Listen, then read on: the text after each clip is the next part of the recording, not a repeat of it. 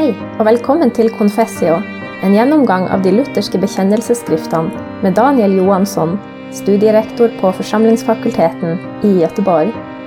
Podkasten er produsert av foross.no.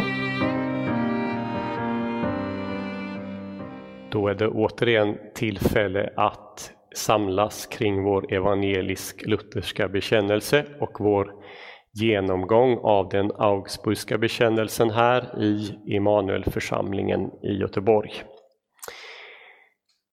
Vi har idag kommit fram till den sextonde artikeln och då kommer vi till den sista av tre artiklar som på ett särskilt sätt handlar om livet i kyrka och liv i samhälle. Den fjortonde artikeln handlade ju särskilt om, om ämbetsinnehavarna i kyrkan, om prästämbetet.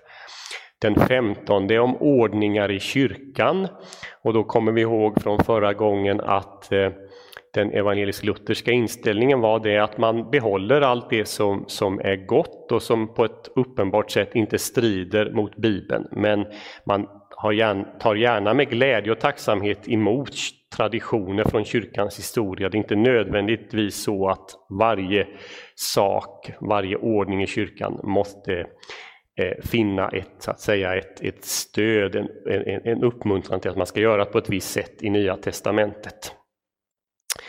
Ehm, nu kommer vi till den sextonde artikeln som har rubriken om det borgerliga livet, det vill säga livet i samhället. Nu är det livet utanför kyrkan. Eh, och det finns en anledning till att den här artikeln har kommit med, nämligen därför att i samband med reformationen så kom många att ifrågasätta ordningarna också i samhället. Men innan vi ser närmare på det så ska vi också ska vi läsa vad Melanchthon skriver i den sextonde artikeln. Om det borgerliga livet lär de att lagliga borgerliga ordningar är Guds goda verk, att det är de kristna tillåtet att bekläda överhetsämbeten, vara domare, döma mål enligt kejslig eller annan gällande lag, ådöma kroppsstraff enligt lag, föra rättmätiga krig, göra krigstjänst, köpa och sälja enligt lag, besitta egendom, avlägga ed då myndigheterna fordra samt ingå äktenskap. De fördömer veddöparna som förbjuder de kristna att befatta sig med dessa borgerliga uppgifter. De fördömer även dem som inte anser den kristliga fullkomligheten bestå i Guds fruktan och tro, utan i övergivandet av de borgerliga uppgifterna. Evangelium förkunnar ju en evig hjärtats rättfärdighet. Dock upplöser det icke stat eller familj utan fordrar eftertryckligt att de ska vidmakthållas som gudomliga ordningar och att man inom dylika, ordningar, dylika ordningars ram skall öva kärlek. Därför bör de kristna ovillkorligen lyda sin överhet och sina lagar, blott dessa icke bjuder något som är synd, ty då bör de mer lyda Gud än människor. En ganska så lång artikel. Eh, vi kan eh, till att börja med eh, konstatera då återigen att bakgrunden till den här artikeln är vissa väldigt radikala eh, reformatorer som har krävt att en hel del av de här ordningarna ska ges upp som finns i samhället, eller åtminstone ges upp av de kristna. Och vad är bakgrunden till det? Jo, man kan säga att den bibliska bakgrunden som de här reformatorerna, åtminstone en del av dem, inspireras av, det är Jesu bergspredikan. Ehm, om Jesus, eh, till och, och även andra ord från Jesus, när Jesus till exempel säger att, att man som kristen då inte får svära, han säger du ska inte svära vid templet eller vid Herren, utan ja ska vara ja och nej ska vara nej och så vidare.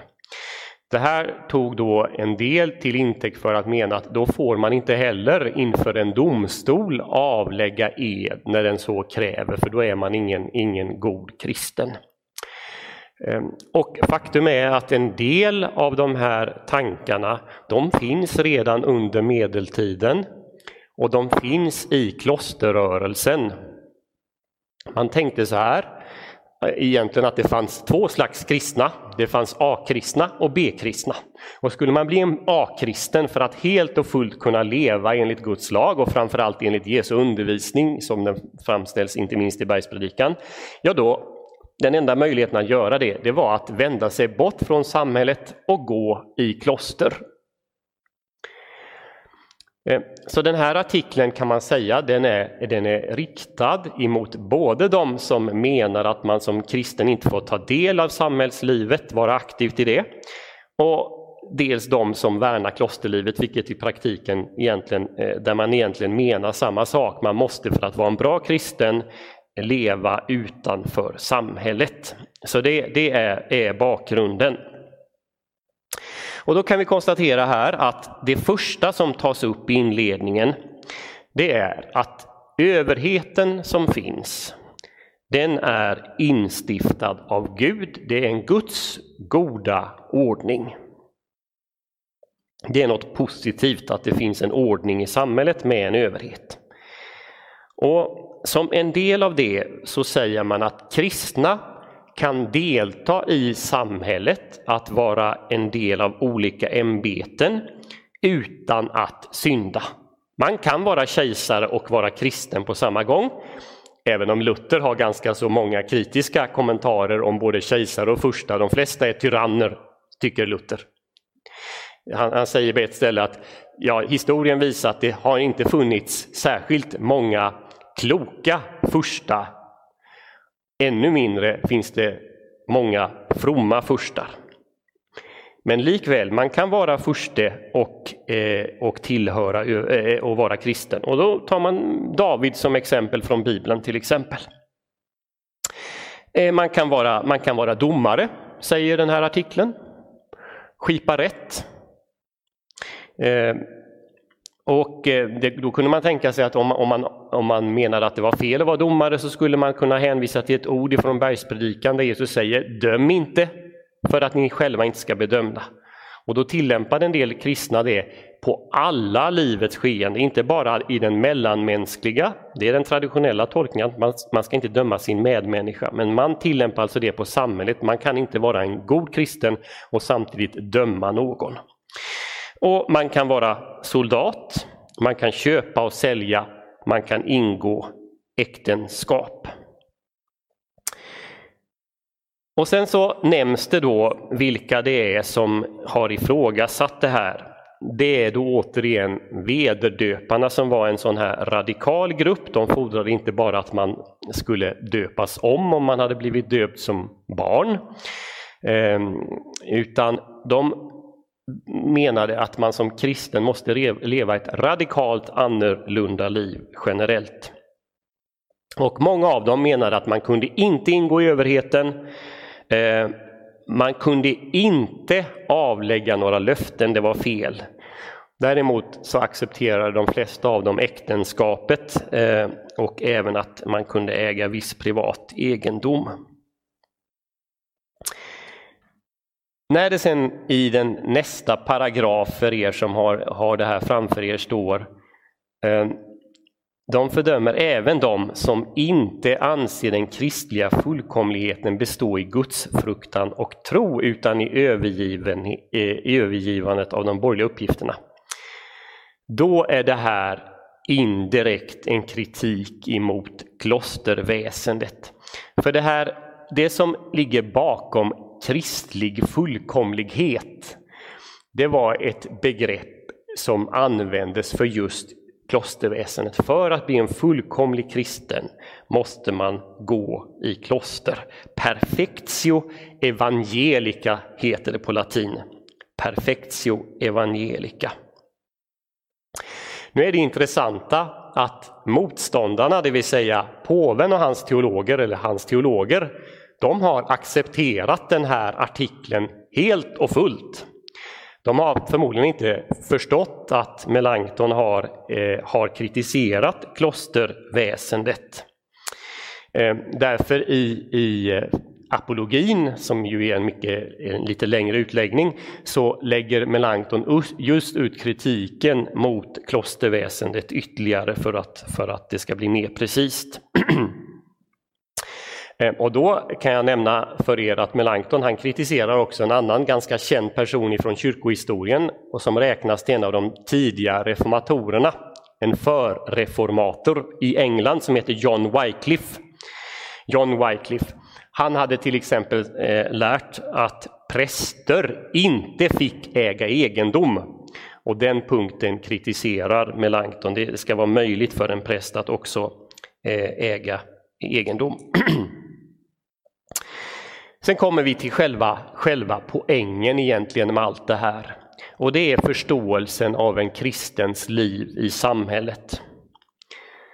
Poängen är att man just i det borgerliga livet, i samhället, äger sin uppgift och sin plats även som kristen. Som kristen så tjänar vi Gud, inte genom att införa några särskilda gärningar eller gå i kloster, utan som kristna tjänar vi Gud genom våra olika uppgifter i samhället, genom att tjäna vår medmänniska. I samhället så är platsen för att utöva goda gärningar och kristen kärlek.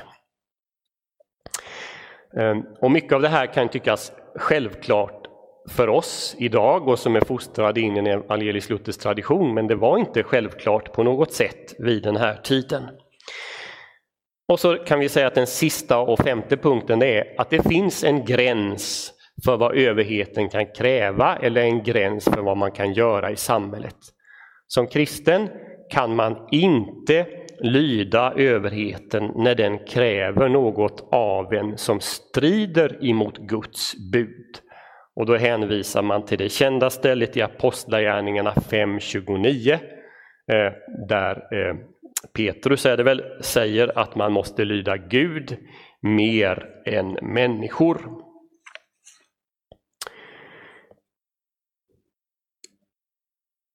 Jag ska ge lite mer av den historiska bakgrunden till det här så kanske det kan klarna ytterligare. Eh, för det första ska vi komma ihåg att reformationen, åren säg 1520 till 1530, det är de tio åren som leder fram till Augsburgska bekännelsens skrivande. Det var verkligen omvälvande år på många sätt och vis. Det blev eh, omvälvningar i kyrkans liv. Och det märkliga är att många av de här heresierna, det vill säga felaktiga lärorna som kyrkan hade avvisat under de första 200-300 åren, de dök upp igen. Så det fanns de som helt plötsligt började förneka treenigheten som, som de kristna, liksom ingen kristen hade förnekat det på tusen år.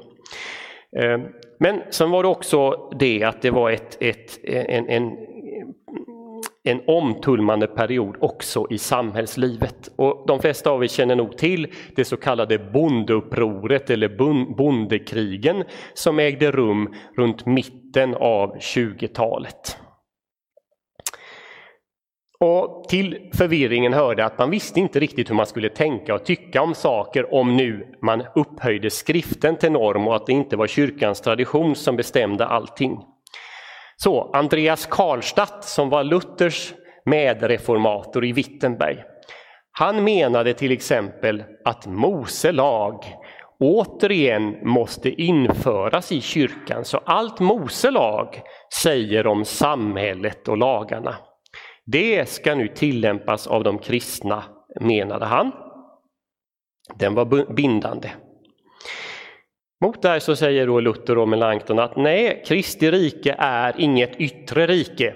Och man kunde citera Jesus själv, han hade ju inför Pilatus sagt mitt rike är inte av den här världen. Utan Kristi rike, det handlar om något helt annat. I Kristi rike så härskar syndernas förlåtelse. Det här var inte första gången i, i kyrkohistorien som det blev en viss spänning mellan eh, livet i kyrkan och samhället. tidiga hedniska kritiker av kyrkan när kyrkan växte fram. Det fanns en Kelsus eh, som väl var läkare och, och stark kri, eh, kristendomsfiende eh, och kritiker på 200-talet. Han menade att det skulle vara omöjligt att leva ett normalt samhällsliv om, om, om majoriteten skulle bli kristna. Och mot honom fick då kyrkofadern Origenes skriva och förklara hur de kristna såg på samhället. Och lite senare när Konstantin den store, han som mm, gav religionsfrihet för de kristna, när hans son Julius Avfällingen blir kejsare och som återigen ville kasta ut de kristna och återinföra hedendomen. Han hade en liknande kritik. Ett samhälle med kristna förtecken fungerar inte. Och då fick en annan teolog som heter Gregorius av Nasians skriva och förklara hur man förstod samhället. Och jag kommer strax till hur man i, i Luthers tro också har förstått det här, hur kyrka och samhälle hänger ihop. Men innan det ska jag nämna tre olika omstörtande tendenser som kommer på, på 1520-talet. Först har vi Thomas Münzer och det är han som ligger bakom det här bondeupproret. Han har en närmast revolutionär uppfattning. Han menar att den enda som med rätta kunde kallas kung, det var Kristus. Och all annan förstemakt var identisk med tyranni. Och därför så skulle styrelseformen vara demokratisk. Och då förstår ni att, att Thomas Münzer han var faktiskt en hjälte i Östtyskland under kommunisttiden. Eh, men han, om, om, om man, man gillade nog inte alla hans tankar för han i slutändan så, även om han sa att det skulle vara ett demokratiskt styre, så omfattades inte demokratin av alla, utan det var bara de troende kristna som fick styra. Och de otroende skulle utrotas med våld, enligt Münzer. Så här ser vi en, en radikal sammanblandning av så att säga Kristi rike med ett världsligt rike. Och vi kan känna igen den i vissa religioner än idag. Och sen har vi den andra gruppen som egentligen är de som omnämns här, de här vederdöparna och vi kan nog räkna Karlstadt också. De var raka motsatsen, de ville inte ha med våld att skaffa överhuvudtaget. Istället så väntade man på Gudsrikets ankomst och under tiden så höll man sig så långt ifrån världen man kunde. Och om världen inte gillade att man inte deltog i det här genom att vägra att eh, ställa upp som vittne till exempel, ja då fick man som kristen eh, ta det lidande som staten förorsakade en. Men man gjorde också en sak som tror jag förvånar de flesta av oss. Kärleken till nästan, den begränsades till den egna gruppen, till den kristna gruppen. Och det var så man så att säga blev befriad från sina samhälleliga plikter. Man hade ingen plikt gentemot den som inte tillhörde den egna gruppen och så kunde man sluta sig i sin egen sociala gemenskap. Sen fanns det en tredje grupp som inte var så stor, eh, men det är en av de radikala reformatorerna som heter Sebastian Frank. Han gick ännu längre. Han menade att det inte fanns någon yttre gemenskap överhuvudtaget. Man hade, han gav inte bara upp samhället utan även den kyrkliga gemenskapen. Han hade totalt ointresse för alla sociala förhållanden. Och på det sättet kan man väl säga att han inte, inte bidrar med någonting själv. Vad är då det evangelisk-lutherska svaret på det? Hur ska en kristen så att säga förhålla sig till samhället? Jo, man brukar i, på Lutherskt håll tala om de två rikena, om Kristi rike och om världens rike, om kyrka och samhälle. Och som kristen är man medborgare samtidigt i de här två rikena. I Kristi rike, där råder evangelium och syndernas förlåtelse. I Kristi rike så tillämpar vi till exempel bergspredikan fullt ut. Men i världens rike, där kan det råda olika lagar beroende på i vilket land man lever. Och i världens rike så kan man ha rättrådiga furstar, men man kan också ha orättfärdiga furstar. Men så länge överheten inte kräver eller instiftar lagar som strider mot Guds bud så är man som kristen eh, skyldig att underordna sig de här lagarna. Och då, då hänvisar man till exempel till Romarbrevet 13 där Paulus skriver om den här saken. Och anledningen till att man tänkte så här, förutom att man menar att det verkligen var grundat i Bibeln, eh, det var att man, man hade väl inte någon, någon slags utopisk föreställning om vad som var möjligt i den här världen, utan här gör den evangeliska människosynen sig gällande, nämligen en ganska pessimistisk sådan. Man vet att vi människor är syndare och så fort eh, om, om, om, om inte finns någon som håller oss i sina tyglar så blir det så lätt kaos och uppror och alla skor sig på den andres bekostnad. Och den andra saken var den att Kristi rike, det är något som inte kan skapas med svärd, utan Kristi rike är något som upprättas av den helige Ande. Till sist eh, så kom ju frågan här om rättfärdiga krig upp. Eh, det stod ju att man som kristen kunde vara soldat och att rättmätiga krig kunde föras av, av furstarna. Så vad är ett rättmätigt krig? Tyvärr så svarar inte varken den Augsburgska bekännelsen eller Melanchthon i apologin på det. Men man kan i alla fall veta vad ett orättfärdigt krig är utifrån hur till exempel Luther eh, skriver om de här bondeupproren. Att göra uppror mot, en, mot överheten, vare sig den är då är god eller ond eller tyranniskt, det är fel. Det tillhör inte de rättmätiga krigen. Och det tycks vara så eh, eh, när man läser Luther att ett rättmätigt krig det utföres när en yttre fiende tränger in på det egna territoriet. Och den här frågan var faktiskt högst aktuell 1530.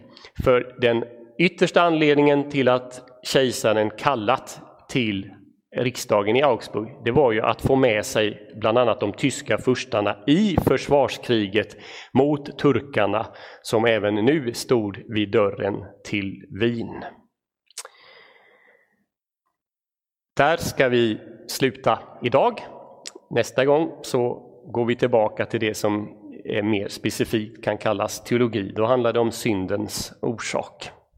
Fria viljan blir det och Kristi återkomst i domen först. Ja. Tack för att du hörde på Confessio. Vi tilbyr også andre podkaster, Table Talks, som går igenom alla söndagstexter i kyrkoåret. Besök oss gärna på foross.no.